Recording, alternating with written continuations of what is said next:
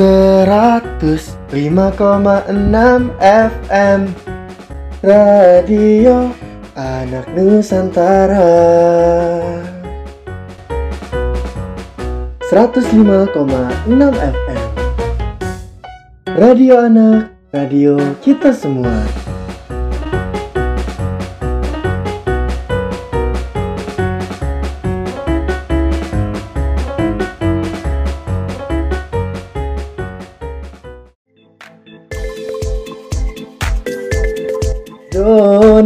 dongeng anak teredukatif Donat, dongeng anak teredukatif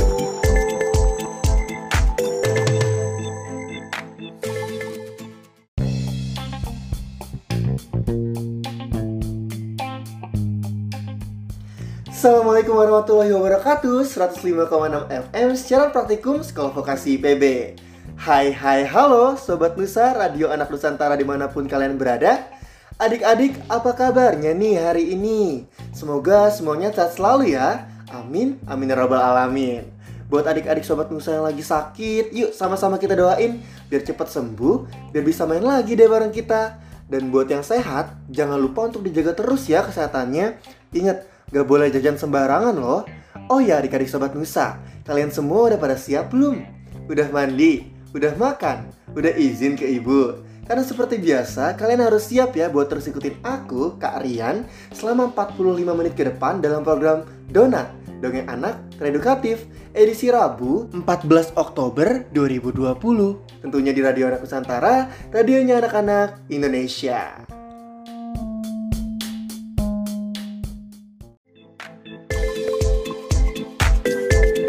Donat, dongeng anak teredukatif Donat, dongeng anak teredukatif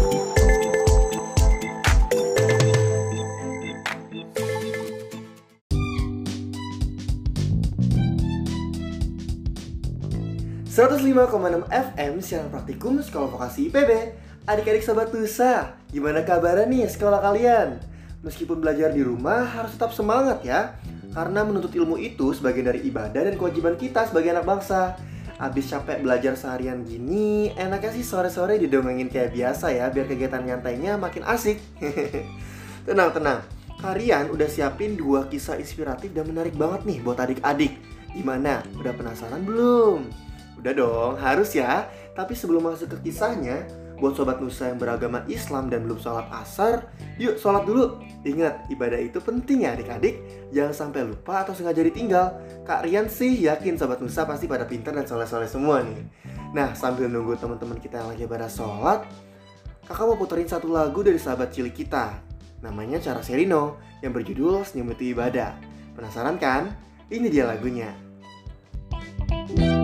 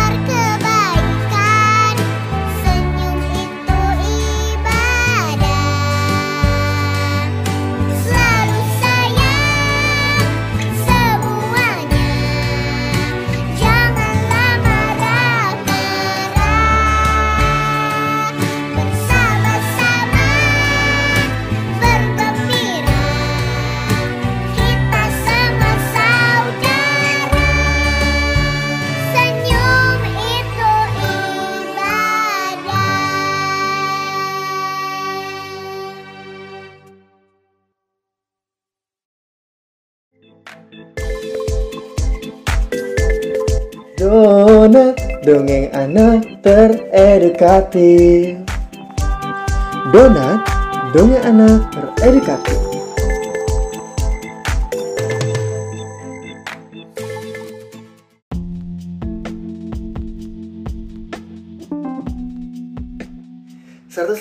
enam FM siaran praktikum Sekolah Vokasi PB Hai hai hai adik-adik sobat Tusa Udah denger kan lagu Senyum Itu Ibadah dari Tara Serino yang barusan kalian putar? Udah belum? Udah kan? Iya kan? Lagu itu sengaja kakak puterin karena selain enak didengar juga punya makna yang bagus loh Seperti judulnya, senyum itu ibadah Adik-adik harus banyak senyum ya biar dapat pahala dan bernilai ibadah Gak boleh cemberut pokoknya, nanti cepat tua Sebelum mulai, coba mana nih senyumnya? Mana, mana? Udah pada senyum belum? Hmm, sayang banget nih kalian gak bisa lihat satu-satu senyumannya. Tapi gak apa-apa deh, kayaknya udah pada senyum-senyum semua nih. Gimana bu, pak, kak, adiknya udah pada senyum belum di rumah? Oke deh, duduk yang manis ya adik-adik, dongeng akan segera kakak bacakan.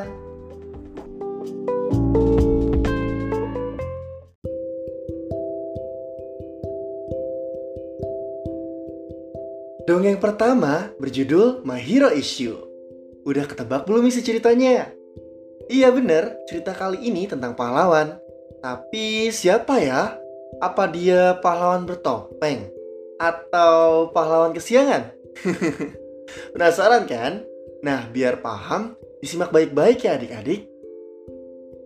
Di sebuah negeri yang jauh di sana, hiduplah seorang anak perempuan bernama Sarah. Bagi Sarah, Ibunya adalah pahlawan karena dialah ibu sekaligus ilmuwan terbaik di dunia. Tetapi bahkan ibunya yang hebat itu pun tak bisa menemukan obat untuk penyakit akibat virus corona. Bu, apa sih penyakit COVID-19 itu? Tanya Sarah kepada ibunya. COVID-19 adalah penyakit yang disebabkan oleh virus corona. Kita tidak bisa melihatnya karena ukurannya yang sangat kecil, jawab ibu. Tapi virusnya bisa menyebar lewat batuk dan bersin dari orang yang sakit atau terinfeksi dan menjangkau orang lain atau benda di sekitarnya. Orang yang tertular bisa mengalami demam dan batuk. Mereka bisa juga sulit bernapas. Jadi, karena tidak bisa kelihatan, kita tidak bisa melawannya ya, Bu? Tanya Sarah lagi. Kita bisa menghadapinya, ujar ibu. Itulah alasan ibu ingin Sarah tetap sehat. Virus ini bisa menyerang siapa saja dan semua orang bisa melawannya. Anak-anak sangat istimewa. Kalian bisa membantu dengan tetap sehat dan diam di rumah. Kamu sudah membantu kita semua. Sarah bisa jadi pahlawan, Ibu. Menjelang tidur, Sarah tidak merasa seperti pahlawan sama sekali. Ia sedih. Ia ingin bersekolah, tapi sekolah diliburkan. Ia ingin bertemu dengan teman-teman, tapi situasinya sedang tidak aman. Sarah ingin virus corona tak lagi membuatnya takut. Pahlawan punya kekuatan super. Gumamnya saat mulai terlelap. Aku bisa apa ya? Tiba-tiba terdengar suara lembut berbisik memanggil namanya di kegelapan.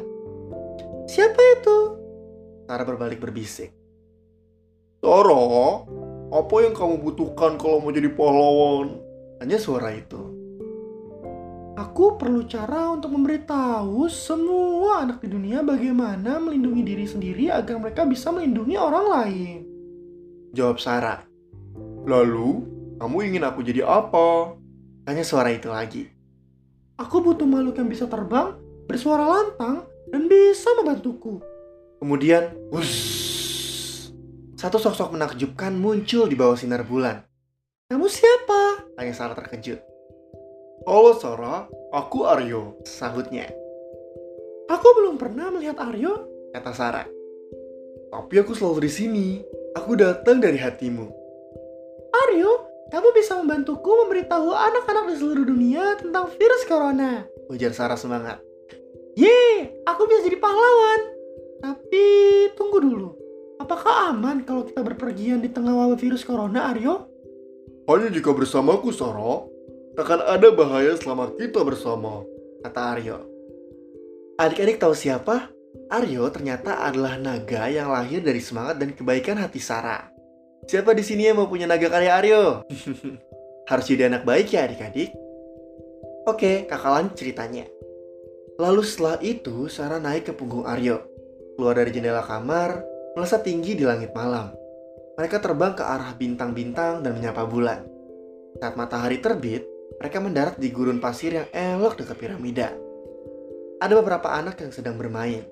Mereka melambaikan tangan ke arah Sarah dan Aryo. Hai, selamat datang. Namaku Salam. Ujar seorang anak laki-laki. Kalian sedang apa di sini? Maaf ya, kami tidak bisa mendekat karena harus menjaga jarak sedikitnya satu meter. Itu sebabnya kami ke sini, ujar Sarah. Aku Sarah dan ini Aryo. Tahukah kamu kalau anak-anak juga bisa melindungi tetangga, teman, orang tua, kakek, dan nenek mereka dari virus corona? Kita bisa melakukannya dengan cuci tangan pakai sabun dan air. Tuka Salam sambil tersenyum. Kami tahu, Sarah. Saat batuk, kami juga menutup mulut dengan lipatan siku. Dan kami tidak bersalaman, hanya melambaikan tangan. Kami berusaha tetap tinggal di rumah, tetapi kami tinggal di kota yang sangat ramai. Ada beberapa orang yang masih keluar rumah. Hmm, nampaknya aku bisa membantu, Kata Aryo. Mereka tidak bisa melihat virus corona, tapi mereka bisa melihatku. Ayo naik, duduklah di kedua sisi sayapku. Jarak keduanya paling tidak satu meter. Kemudian Aryo terbang bersama Salam dan Sarah yang duduk di kedua sayapnya. Ia terbang di atas kota dan mulai meraung serta bernyanyi. Salem berteriak kepada anak-anak di jalan. Hei, sampaikan kepada keluarga kalian. Lebih aman di rumah. Kita bisa menjaga satu sama lain dengan tetap di rumah. Orang-orang takjub dengan apa yang mereka lihat. Mereka melambaikan tangan dan kembali masuk ke rumah. Aryo lalu kembali melesat tinggi ke langit. Salem bersorak bahagia. Di atas awan ada pesawat yang melintas. Para penumpangnya melihat mereka dengan kagum. Hmm, orang-orang mestinya berhenti berpergian dulu untuk sementara waktu, kata Salem. Perbatasan antar negara akan ditutup, kita seharusnya tetap di rumah bersama keluarga. Iya, rasanya banyak hal yang berubah ya, ujar Sarah. Kadang itu membuatku takut. Perubahan kadang memang merasa menakutkan dan membingungkan, Sarah, kata Aryo. Saat takut, aku biasanya menarik napas dalam-dalam dan menghembuskan api. Aryo lalu mengembuskan bola api yang besar. Apa yang biasanya kalian lakukan saat takut? Kata Aryo. Aku biasanya membayangkan orang-orang yang membuatku merasa aman, jawab Sarah. Aku juga. Orang yang biasa membuatku merasa aman, misalnya kakek dan nenekku. Salam salam. Aku rindu kakek dan nenek. Tapi aku tidak boleh memeluk mereka, karena aku bisa saja menularkan virus corona. Dulu kami sering bertemu tiap pekan, sekarang tidak lagi karena kami harus menjaga mereka tetap sehat. Bisakah kamu menelpon mereka? Tanya Sarah. Tentu saja, mereka menelponku setiap hari. Aku ceritakan tentang apa yang kami lakukan di rumah. Berbagai cerita membuat kami merasa lebih tenang. Wajar kalau kita rindu dengan orang-orang tersayang karena tak bisa berjumpa. Jelas Aryo. Itu tandanya kita peduli terhadap mereka. Apakah kalian mau bertemu pahlawan-pahlawan lainnya? Tentu saja. Terus Sarah dan Salem berbarengan. Baiklah, temanku Sasha punya kekuatan super yang sangat istimewa. Ayo kita berangkat, kata Aryo. Mereka menukik dan mendarat di sebuah desa kecil. Seorang anak perempuan sedang memetik bunga di halaman. Dia tertawa saat melihat Aryo dan anak-anak duduk di sayapnya. Aryo! Teriaknya. Karena sedang menjaga jarak minimal 1 meter, kita berpelukan dari jauh saja ya. Kalian sedang apa di sini? Aku bisa merasakan pelukanmu dari sini, Sasa, kata Aryo. Senang rasanya kita bisa menunjukkan kepedulian lewat kata-kata dan tindakan. Aku ingin teman-temanku mempelajari kekuatan supermu. Loh, memangnya apa kekuatan superku? Tanya Sasa. Kamu tetap di rumah saat ada anggota keluarga yang sakit, sehingga tidak menulari virus corona ke yang lain, kata Aryo. Ya, ayahku sakit. Dia tetap di kamar hingga benar-benar pulih, kata Sasa. Tapi tinggal di rumah tetap mengasihkan kok. Kami bermain, memasak, menghabiskan waktu di kebun, dan makan bersama. Aku dan saudariku bernyanyi dan menari bersama. Kami juga membaca buku sehingga aku tetap bisa belajar. Karena terkadang aku rindu sekolah. Awalnya memang terasa aneh di rumah terus, tapi kini aku sudah terbiasa. Memang tidak selalu mudah, Sasa, ujar Aryo. Kamu berusaha tetap di rumah, bergembira dan rukun dengan keluarga. Karena itu, kamu adalah pahlawanku. Tapi Aryo, bagaimana dengan orang-orang yang jauh dari rumah atau mereka yang tidak punya rumah? Tanya Sarah. Pertanyaan bagus, Sarah, jawab Aryo. Ayo kita cari tahu. Kemudian mereka berpamitan kepada Sasa dan melanjutkan perjalanan. Udara menjadi lebih hangat ketika mereka mendarat di sebuah pulau di tengah lautan. Di sana, mereka melihat sebuah kampung yang cukup ramai. Seorang gadis melihat mereka lalu melambaikan tangan dari kejauhan. Hai Aryo, senang bertemu kembali. Teriak gadis itu. Aryo, kamu tahu kan? Kita sedang menjaga jarak kurang lebih satu meter. Aku bicara dari sini saja ya. Aku bicara paling tidak dua langkah di depanmu. Aku senang bisa bertemu dengan teman-temanmu. Oh iya, namaku Laila. Hai Laila, aku Sarah dan ini Salem. Ucap Sarah. Tampaknya kamu sudah melindungi diri dari virus corona. Selain menjaga jarak, apalagi yang kamu lakukan? Tanya Salem. Kami mencuci tangan dengan sabun dan air. Jawab Laila. Apakah kamu juga menutup mulut dengan lipatan siku saat batuk? Tanya Salem. Ah, tidak. Bagaimana caranya? Tanya Laila. Lalu Salem menunjukkan caranya pada Laila. Kami semua mencoba untuk tetap berani, tapi aku khawatir. Ujar Laila. Maukah kalian mendengarkanku? Aku sangat gelisah karena mendengar ada yang sakit lalu meninggal. Apa benar orang bisa meninggal karena virus corona? Aryo menghela napas panjang. Lalu mendudukkan tubuh raksasanya. Benar, pahlawan kecilku. Ini memang tidak seperti biasa, jawabnya. Sebagian orang tidak merasa sakit sama sekali. Tapi sebagian yang lain sakit parah dan beberapa di antaranya meninggal. Itulah mengapa kita harus berhati-hati, terutama ketika berbicara dengan orang lanjut usia dan orang yang punya penyakit lain karena mereka lebih mudah sakit parah. Saat merasa takut dan tidak aman, coba bayangkan tempat yang aman supaya lebih tenang. Maukah mencobanya bersamaku? Mereka setuju. Lalu Aryo meminta mereka memejamkan mata. Pikirkan kenangan atau masa lalu kalian saat merasa aman. Jelas Aryo. Apa yang kalian lihat? Bagaimana rasanya? Bagaimana aroma tempat itu? Inilah kekuatan super kalian. Kalian bisa membaginya kepada teman dan keluarga. Dan jangan lupa, aku dan banyak orang lainnya peduli dengan kalian. Mengingat hal itu juga bisa membuat kalian tenang.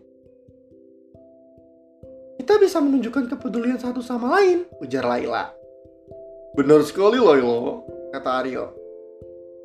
Di mana pun kita berada, kita bisa menunjukkan kepedulian kepada sesama. Kita bisa saling menjaga dan peduli. Ucap Laila.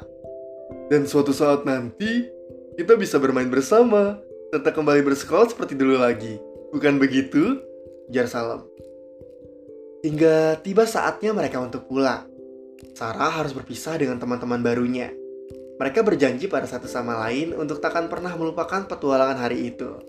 Sarah merasa sedih karena mereka mungkin takkan berjumpa lagi dalam waktu lama. Namun, ia merasa lebih baik saat mengingat kejadian yang telah dilaluinya. Kita masih bisa mengasihi satu sama lain meski jarang bertemu. Aryo mengantarkan mereka ke rumah masing-masing. Sebelum pergi, ia menemani Sarah hingga tertidur. Apakah besok kita bisa jalan-jalan lagi, Aryo? Tanya Sarah. Tidak, Soro. Kamu harus bersama keluargamu, jawab Aryo. Kau pahlawanku, Soro. Pahlawan bagi orang-orang yang menyayangimu. Kemudian Sarah pun terlelap. Dan saat bangun keesokan harinya, Aryo telah pergi. Jika ingin mengobrol dengan Aryo, Sarah membayangkan tempat amannya, lalu ia menggambar semua yang ia lihat dan dipelajarinya saat berpetualang bersama. Sarah tentu tidak akan melupakan semuanya. Tamat. Wah, seru-seru ya ceritanya. Gimana? Sekarang adik-adik Sobat Nusa jadi kenal kan siapa pahlawan dari dongeng My Hero Issue? Iya, pahlawannya itu Issue, kamu. Kalianlah pahlawannya adik-adik. Dari cerita itu sekarang kita tahu ya kalau kita adalah pahlawan bagi orang-orang yang kita sayang. Terutama dalam menghadapi virus corona ini. Kamu bisa menjaga orang-orang tersayang dengan rajin mencuci tangan menggunakan sabun dan air. Pakai masker siap berpergian dan tetap di rumah bersama keluarga. Jadi adik-adik harus tetap semangat ya. Gak boleh sedih dan harus ceria terus pokoknya. Iya dong, karena setelah ini kalian masih punya satu cerita lagi nih buat didongengin ke kalian. Jangan ke mana-mana ya tetap duduk manis depan radionya. Jangan diganti frekuensinya. Kalau kakak, papa, atau mama di rumah mau ganti frekuensinya, bilangin, nanti dijawab kalian gitu. Tunggu sebentar ya anak manis, kakak akan lanjutin dongengnya setelah pesan-pesan berikut ini.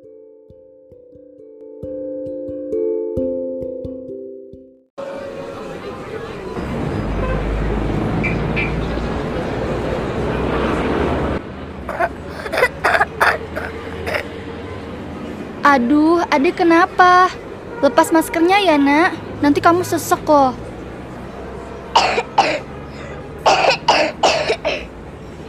Tuh kan, batuk terus. Mama lepas ya maskernya. Sudah ratusan ribu masyarakat Indonesia terkena wabah virus corona. Dilaporkan hampir puluhan ribu jiwa telah melayang karenanya. Corona telah menjadi masalah yang sangat serius. Oleh sebab itu, sudah tidak bisa dielakkan kembali. Perlu adanya penanganan khusus dari seluruh pihak. Corona menjadi tantangan kita semua. Bukan hanya orang dewasa, anak-anak juga ikut jadi mangsanya. Lebih baik sesak daripada harus menderita karena pernapasan bengkak akibat corona. Wajib masker bagi seluruh masyarakat selama berada di tempat umum. Mari bersama hadapi corona call center tanggap corona 827 981 76 827 981 76 Iklan layanan masyarakat ini dipersembahkan oleh Dinas Kesehatan Republik Indonesia.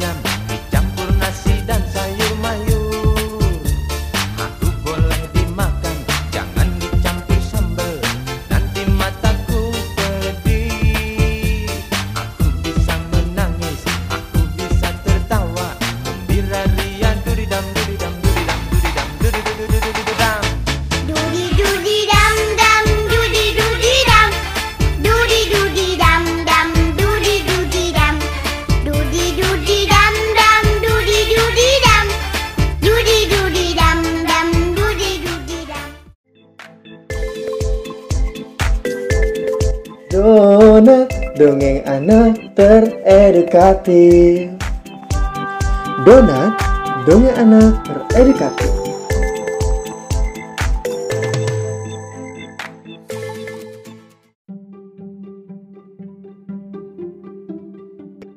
...105,6 FM siaran praktikum Sekolah Vokasi IPB. Halo adik-adik Sobat Nusa, ayo masih pada setia kan dengerin radionya? Karena Sobat Nusa masih setia duduk depan radio anak Nusantara, radionya anak-anak Indonesia, kalian bakalan lanjut ke cerita kedua nih, yang pasti nggak kalah seru pokoknya. Gimana? Udah siap belum? Harus siap dong, karena cerita kedua ini bakalan menarik banget nih untuk adik-adik dengerin. Ada yang tahu kisah apa lagi yang mau kalian ceritain? Yap, betul. Cerita kedua berjudul Pina si Kelelawar. Disimak baik-baik ya adik-adik. Di sebuah negeri yang jauh di tengah hutan, terdapat seekor kelelawar kecil bernama Pina. Awalnya kehidupan Pina baik-baik saja. Ia senang bermain bersama teman-temannya di sekitar hutan tempatnya tinggal. Namun suatu ketika, terjadi badai besar yang melanda seluruh isi hutan. Semua warga berlindung di rumah masing-masing. Badainya sangatlah besar, sehingga tak ada satupun orang yang bisa bertahan dari amukannya. Rumah adalah tempat satu-satunya untuk berlindung. Pina sedih. Hari-harinya berbeda dengan biasanya. Entah kapan badai di luar sana akan berhenti. Pina ingin bertemu dengan teman-temannya dan kembali bermain bersama. Tapi sayangnya, mereka harus terpisah dan tinggal di rumah masing-masing. Sudah cukup lama Pina berada di rumah, tapi badai masih belum reda. Hari demi hari telah ia lewati, hingga hari ini adalah hari ulang tahunnya. Ibu dan ayah menyiapkan kue dan lilin ulang tahun Pina. Mereka merayakan ulang tahun Pina di rumah bersama-sama. Pina bahagia saat itu. Bertambahnya umur Pina, bertambah pula kecemasannya umur Pina sudah cukup matang untuk belajar terbang. Hingga suatu ketika, ibu pun berkata kepadanya, Nak, kamu sudah harus belajar terbang. Besok pagi akan ibu ajarkan ya, kata ibu. Pina cemas, bukan masalah terbang. Ia sangat ingin bisa terbang seperti kelelawar lainnya. Tapi bagaimana ia bisa belajar caranya terbang bila badai belum juga berhenti? Pina pun terlelap sambil memikirkan hal yang membuatnya cemas itu. Keesokan harinya, Pina sudah siap untuk belajar. Tapi, ia masih cemas. Bu, bagaimana aku bisa belajar jika badai masih mengamuk di luar? Ibu juga bilang kalau kita tidak akan mungkin bisa keluar dalam kondisi badai ini. Tanya Pina. Siapa bilang kamu harus belajar di luar, sayang? Jawab ibu. Loh, lalu di mana aku akan belajar terbang, Bu? Pina masih kebingungan dengan jawaban ibu. Ibu pun kembali menjawab. Di rumah kita sendiri sayang, meskipun tidak seluas dan semenyenangkan seperti belajar di luar, di rumah saja tidak akan membatasi kamu untuk belajar sedikit pun. Ibu dan ayah akan membantu kamu Pina, kamu pasti bisa belajar dengan baik. Di rumah sekalipun, asalkan kamu mau bersungguh-sungguh ya nak. Terang ibu. Dengan perasaan yang masih ragu, akhirnya Pina mengikuti kata ibu. Tiap hari dia rajin belajar terbang meskipun hanya di rumah saja. Ibu dan ayah juga tidak luput perhatiannya dalam membantu Pina. Perlahan dan penuh kesungguhan, akhirnya Pina berhasil belajar dengan baik di rumah. Ia sudah bisa mengepakkan kedua sayapnya dengan sempurna dan melayang di langit-langit rumah. Pina senang dan semakin giat belajar di rumah. Ini tidak hanya belajar terbang, Pina juga belajar caranya tidur terbalik yang biasa dilakukan kelelawar. Ternyata ia juga bisa melakukannya tanpa harus keluar rumah dan mencari ranting-ranting pohon ia mengandalkan gantungan baju yang ada di rumahnya. Beberapa waktu kemudian, badai pun reda. Ina yang sudah lama berdiam diri di rumah kini bisa merasakan hangatnya udara luar seperti biasa. Dengan perasaan senang, ia menyambut hari-hari baru bersama teman-temannya. Ini, Pina mengetahui bahwa belajar bisa dilakukan di mana saja, asal ada kesungguhan dan semangat dalam diri. Tamat. Wah, akhirnya selesai juga ya cerita Pina si kelelawar. Gimana adik-adik sobat Nusa? Pada paham gak sama maksud dari cerita itu? Bagus banget ya ceritanya. Ada pesan nih yang bisa kita terapin dalam kehidupan kita sehari-hari. Apalagi di masa pandemi sekarang ini, adik-adik harus tetap semangat ya meski belajar di rumah. Ina aja yang kelelawar bisa belajar di rumah. Masa kita enggak? yang penting adik-adik harus sungguh-sungguh ya belajarnya. Belajar itu asyik loh, apalagi kalau ditemenin sama mama papa. Makin seru deh pasti belajarnya.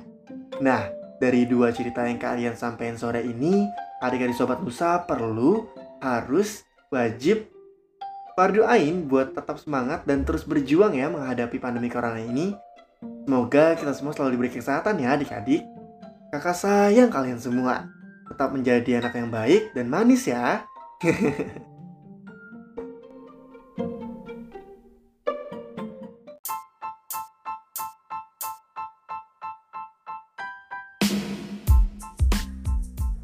Oh iya, ngomong-ngomong soal manis nih, ikut mama belanja ke Superindo atau toko swalayan rasanya manis banget ya adik-adik. Gimana enggak? Kalian juga dulu pas masih kecil seneng banget kalau diajak mama belanja bulanan. Selain pengen ngadem karena toko swalayan yang dingin, kakak wajib banget buat beli snack-snack gitu buat makanan di rumah. Adik-adik gitu juga enggak? Apa jangan-jangan nggak pernah diajak belanja keluar sama mama? Hmm, tapi nggak apa-apa sih, karena sekarang ini lebih baik di rumah aja ya. Jangan keluar atau pergi-pergian, wabah virus corona lagi bahaya banget di luar sana. Nah, urusan belanja dan beli jajanan juga nggak perlu ke toko swalayan lagi. Karena sekarang hadir Grab Market yang siap beliin sekaligus anterin belanjaan kalian ke rumah. Jadi bisa belanja sambil nyantai dengan radio anak Nusantara di rumah deh. Ayo bilang mama buat belanja lewat aplikasi Grab aja. Mulai hari ini sampai tanggal 2 Oktober nanti ada promo besar-besaran loh, terkhusus buat makanan ringan yang pasti kalian suka. Download dan gunain aplikasi Grab sekarang ya. Tersedia gratis di Play Store dan App Store. GrabMart, solusi belanja hemat. Belanja, grabin aja.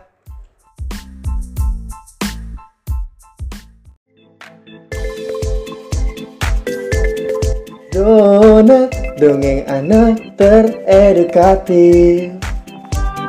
Donat, dongeng anak teredukatif.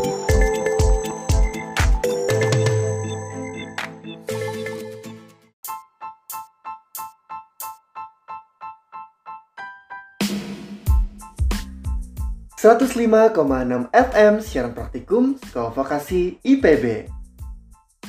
Adik-adik, Gak terasa ya, ternyata kalian udah dongengin adik-adik Sobat Nusa dua cerita yang menarik banget nih sore ini.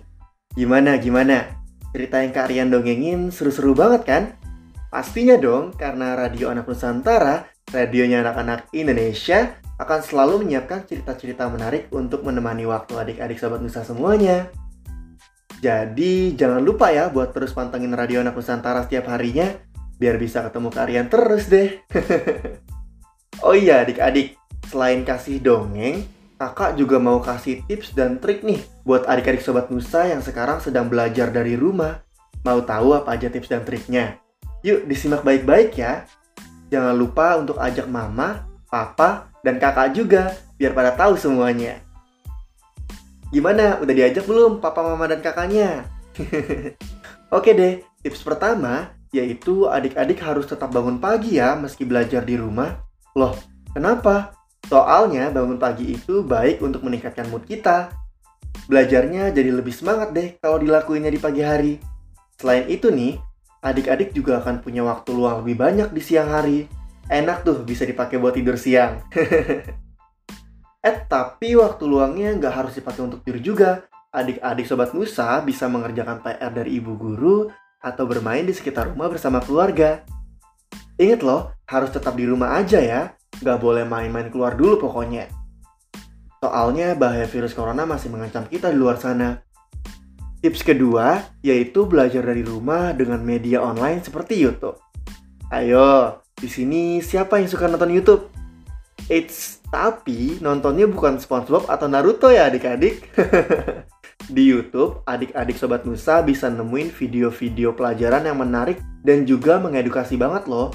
Jangan lupa untuk minta bantuan mama, papa, atau kakak ya. Sesuaikan juga dengan mata pelajaran yang ingin dipelajari.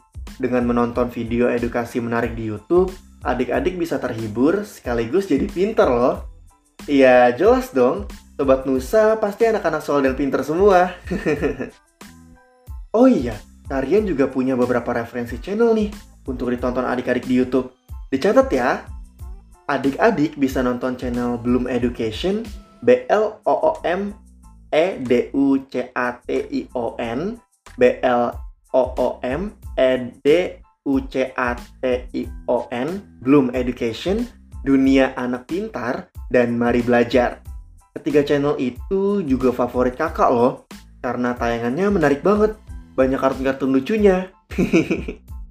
Materi pelajaran yang disediakan juga banyak gitu di sana. Jadi bisa dipilih sesuka hati deh. Mah, pah, kak, dibantu ya adiknya biar bisa nonton sekaligus belajar. Jangan lupa diawasin juga biar nggak buka yang lain-lain. Tips ketiga yaitu mempraktekkan materi pelajaran dari rumah.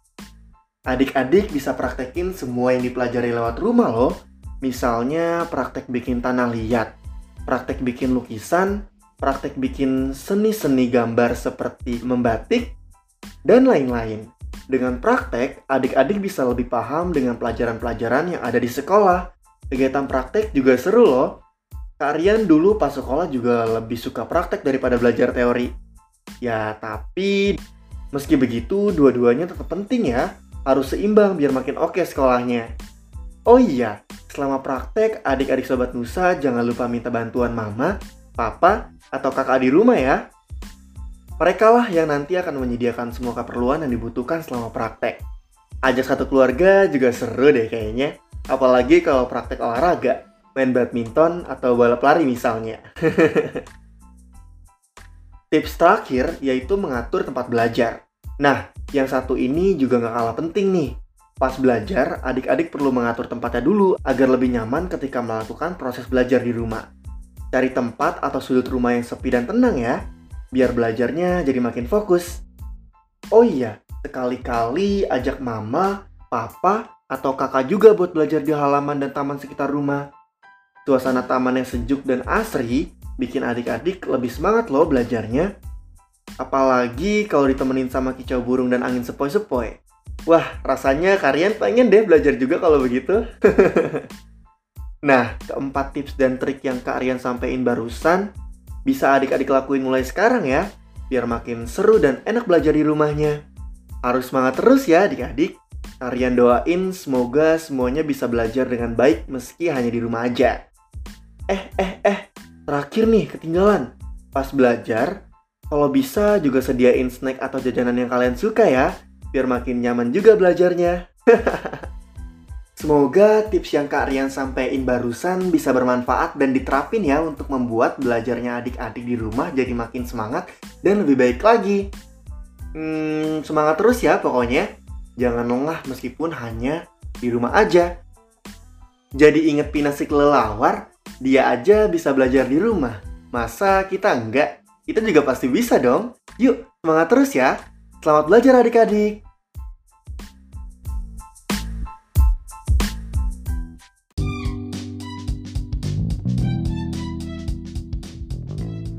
Adik-adik Sobat Nusa, kita udah sampai di penghujung acara nih.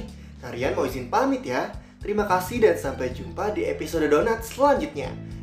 Hmm, sebelum tutup, ada hadiah kecil dari kakak nih buat Sobat Nusa semua yang baik hati karena udah mau nemenin kakak dari awal sampai akhir. Yang tahu lagunya boleh nyanyi bareng keluarga di rumah ya. Ini dia lagu anak. Sayonara. Sampai jumpa adik-adik.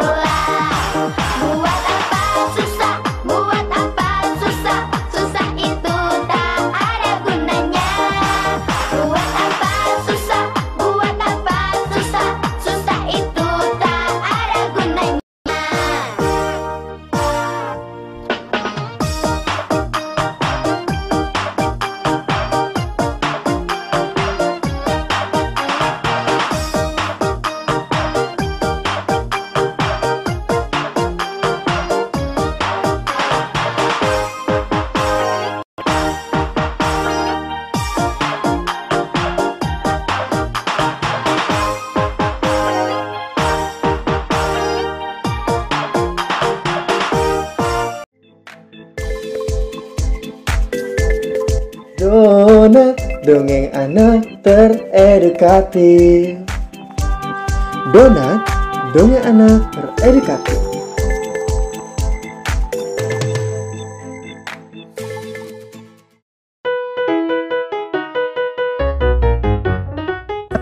Seratus lima koma enam FM Radio Anak Nusantara 105,6 FM Radio Anak, radio kita semua